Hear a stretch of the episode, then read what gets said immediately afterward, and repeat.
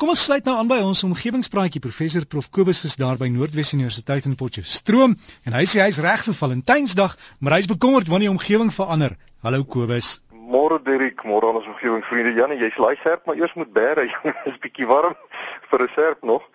Ehm um, ek wil vanoggend jy's graag gesels oor twee onlangse internasionale verslae wat ek onder oë gekry het. Die eerste is 'n verslag wat deur die World Watch Instituut vrygestel is wat handel oor die ekonomie van die wêreld. En in hierdie verslag sê die internasionale arbeidsorganisasie dat die getal werklose mense op aarde van 169 miljoen in 2007 toegeneem het tot 200 miljoen mense in 2012.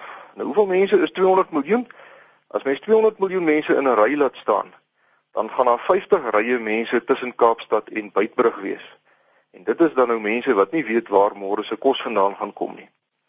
Verder berig die verslag dat die gaping tussen korporatiewe basse en die salarisse van gewone werkers wêreldwyd steeds toeneem. In die VSA het die basiese salarisse in reële terme met 156% opgegaan sedert 1979, terwyl die gewone werkers se salarisse oor dieselfde tydperk maar met slegs 17% opgegaan het. Nou ook hier in Suid-Afrika is dieselfde neiging bespeurbaar en die arbeidsonrus wat nou kort kort opvlam is sekerlik minstens gedeeltelik ehm um, kan toegeskryf word aan hierdie oneweredige verspreiding van welvaart.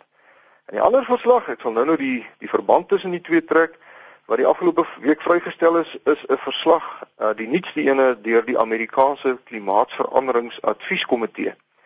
Nou hierdie verslag is deur 240 van die voorste wetenskaplikes in die wêreld opgestel en hulle bevind dat daar nou onomstotelike bewyse is dat die gemiddelde temperatuur in Amerika die afgelope 100 jaar met 1 graad Celsius gestyg het, maar die kommerwekkende is dat 80% van hierdie 1 graad Celsius stygings oor die afgelope 30 jaar voorgekom het, wat beteken dat die aarde teen 'n toenemende tempo warmer word.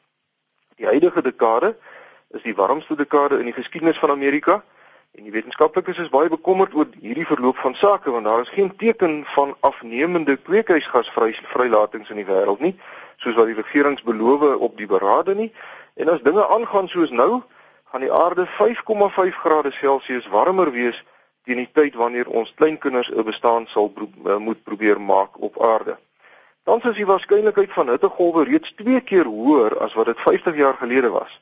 En op baie plekke in die VSA en op ander dele in die wêreld koel dit nie regtig meer af gedurende somernagte nie, maar die gevolg dat mense sterftes kry onder mense en diere. Die verslag is die eerste wetenskaplike verslag wat nou onomwonde sê dat uiterste weeromstandighede soos orkane, tornado's, vloede en droogtes aan die toeneem is en dat dit hoofsaaklik die gevolg van kweekhuisgasvrylatings is. Tot nou toe was die wetenskaplikes bietjie versigtig om so 'n stelling te maak, want daar was altyd 'n mate van twyfel oor wat nou natuurlike siklusse is en watter deel aan die mens toegeskryf kan word en dis nog steeds so dat omtrent 25% van die veranderinge is mensgedrewe, die res lyk natuurlik.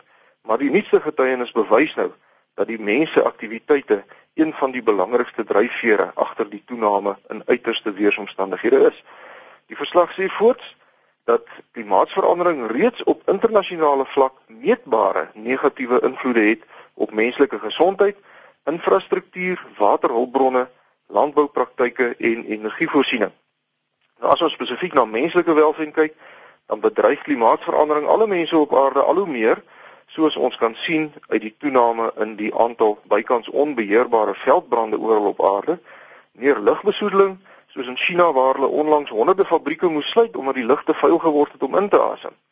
Afnemende voedselsekuriteit met 'n toename in hongersnood, 'n afname in die beskikbaarheid van drinkwater en ook die verspreiding van siektes wat voorheen slegs in sekere areas voorgekom het En ons sien tekens hiervan in Suid-Afrika reeds met die onlangse gevalle van malaria wat op die Hoëveld gevind is by mense wat glad nie malaria gebiede besoek het nie.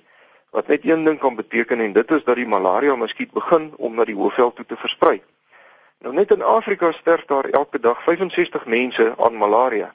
So u kan nou vir uself dink wat dit sal beteken as die malaria miskien se verspreidingsarea groter gaan word as gevolg van klimaatsverandering.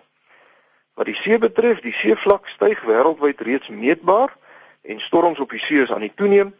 En wat landbou betref, is die wetenskaplikes van mening dat gemekaniseerde landbou vir die volgende 25 jaar dalk nog klimaatsverandering op 'n manier sal kan hanteer maar dat die opbrengste daarna drasties gaan begin afneem. Maar bestaansboerdery is baie meer kwesbaar en hongersnood in derde wêreldlande is eintlik 'n onmiddellike bedreiging. Die vermoë van ekosisteme om hierdie veranderinge te kan absorbeer en daarbey aan te pas is besig om af te neem en biodiversiteitsverliese neem toe oral op aarde.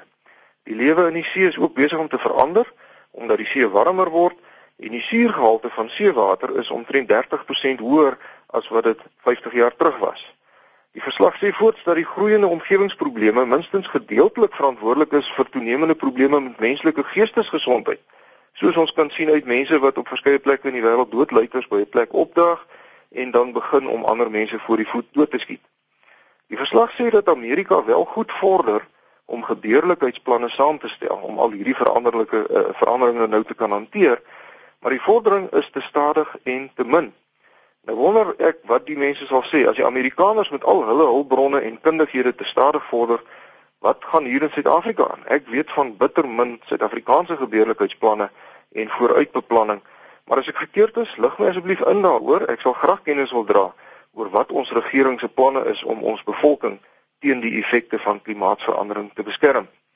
Die meeste van die bevindinge in die verslag is nou niks niets nie. Ons die wetenskaplikes waarsku al vir 'n dekade of 3 dat dinge skeefloop en ons hoor dit gereeld, maar dis die eerste keer dat so 'n gesaghebende klomp kundiges tot 'n definitiewe gevolgtrekking kom op grond van onbetwisbare bewyse. Maar gelukkig eindig die verslag nou nie net by die beskrywing van die probleme nie, uh, maar 'n aantal benaderings om die probleme aan te spreek word ook voorgestel. En dit sluit in dat klimaatsverandering nie in isolasie beskou kan word nie, maar dat die wêreld se regerings gesamentlik daarna moet kyk in die konteks van ekonomiese groei, grondgebruiksveranderinge die tempo van hulpbrongebruik en ook grond, water en lugbesoedeling. Die feit dat meer as die helfte van die mense op aarde in stede woon, vererger die probleem en die verslag beskryf hoe 'n sekere spesifieke impak 'n klomp ander impakte tot gevolg gaan hê en elkeen van daardie impakte gaan weer volgende ander impakte veroorsaak sodat dit naderhand 'n hele groot ingewikkelde kaskade van impakte op die omgewing en op mense gaan vorm. As mens hierdie saak wil bestuur, dan is 'n eerste stap om hierdie impakte te voorspel en dit in 'n tipe oorsaak-gevolg kaskade te rangskik sodat jy weet waar om jou aandag toe te spits sodat ons pogings om klimaatsverandering te hanteer effektief sal wees. Nou hierdie noue interverwantskap tussen die toestand van die omgewing, die kulture van mense en ekonomiese stelsels van die wêreld kan nou natuurlik tot voordeel of nadeel strek na gelang van die besluite wat wêreldleiers gaan neem oor die volgende paar jaar. Uh ons dink aan iets soos geboortekoerse van verskillende bevolkings. Soos ek in 'n vorige praatjie aangedui het, kry baie vroue in Sub-Sahara Afrika vandag steeds gemiddeld 8 kinders in haar lewenstyd. En hierdie kulturele gebruik maak daardie spesifieke bevolkings verskriklik kwesbaar vir die veranderinge wat op hande is. So as daar enige leiers is wat hulle sout werd is en vir hulle mense omgee, sal hulle dringend begin om die regte boodskap te versprei. En dit geld natuurlik vir ons eie leiers hier in Suid-Afrika ook. 'n Volgende noodsaaklike benadering as ons enige hoop wil hê om hierdie bedreiging te kan hanteer, is dat die leiers van die wêreld 'n denksprong sal moet maak vanaf ekonomiese groei ten alle koste na een van afskaling van hulpbron en energiegebruik, 'n meer eweredige verspreiding van welvaart en groter internasionale samewerking. En dit bring my terug by die eerste verslag wat ek aangehaal het vanoggend wat handel oor die ekonomie oor die ekonomiese toestande van die wêreld Die 200 miljoen mense op aarde wat nie werk het nie, het geen erg aan die toestand van die omgewing nie, want so mense se enigste bekommernis is hoe hy gaan oorleef tot môre. Waar gaan hy kos kry en hoe gaan hy die kos gaar kry? En dit geld natuurlik ook vir die grootste deel van die wêreld se bevolking wat met lae salarisse moet klaarkom en wat elke maand eintlik maar net net gelyk breek. Vir sulke mense maak omgewingsbewaring net sin as hulle geld kan spaar in die proses. En as ons nou kyk na die ander kant van die muntstuk, die korporatiewe wêreld en die basse met die groot salarisse in die ryk lande, dan is die eenvoudige feit dat die oorsake van klimaatsverandering hoofsaaklik voor die deur van die ryk mense van die wêreld en die ryk lande op aarde gelê kan word. Wêreldleiers sal daarom dringend die ekonomiese stelsels van die wêreld as geheel moet hersien. Want die huidige manier hoe dinge gedoen word, is eenvoudig nie volhoubaar nie. Ons sal almal sekere veranderinge in ons denke oor hierdie saak moet maak as ons enigsins oor die welstand van ons nageslag bekommerd is en ons sal almal aanpassings moet maak en aanpassings moet aanvaar. Erik, ek sien ek moet afsluit. Uh, as ons omgewingsvriende die nuutste verslag oor klimaatsverandering self wil lees, sal u dit vind op die webwerf www.globalchange.gov. Ek sê hom weer www.globalchange.gov. En dan is daar steeds 'n paar mense, ek kry so met gereelde tussenpose so een of twee briewe van mense wat dink hierdie is alles nonsens en dit is een of ander sameswering van een of ander groep mense op aarde wat een of ander duistere motief het. Ehm um, jy moet miskien maar 'n slag mooi lees en kyk na wie die mense is wat hierdie verslae opstel. Uh dit is gesaghebende mense en die wetenskap spreek baie duidelik en al duideliker. As jy vir my wil skryf, jy is baie welkom. Ek is kobus.vanderwalt by nwu.ac.za of u kan my bereik by die fakulteit Natuurwetenskappe Noordwes Universiteit Potchefstroom 2520. Vriendelike groete tot 'n volgende keer. Dankie vir jou Kobus Kobus van der Walt. Daai e-posadres weer daar by Noordwes Universiteit is kobus met 'n k kobus.vanderwalt aan mekaar geskryf. So dis kobus.vanderwalt by nwu.ac.za.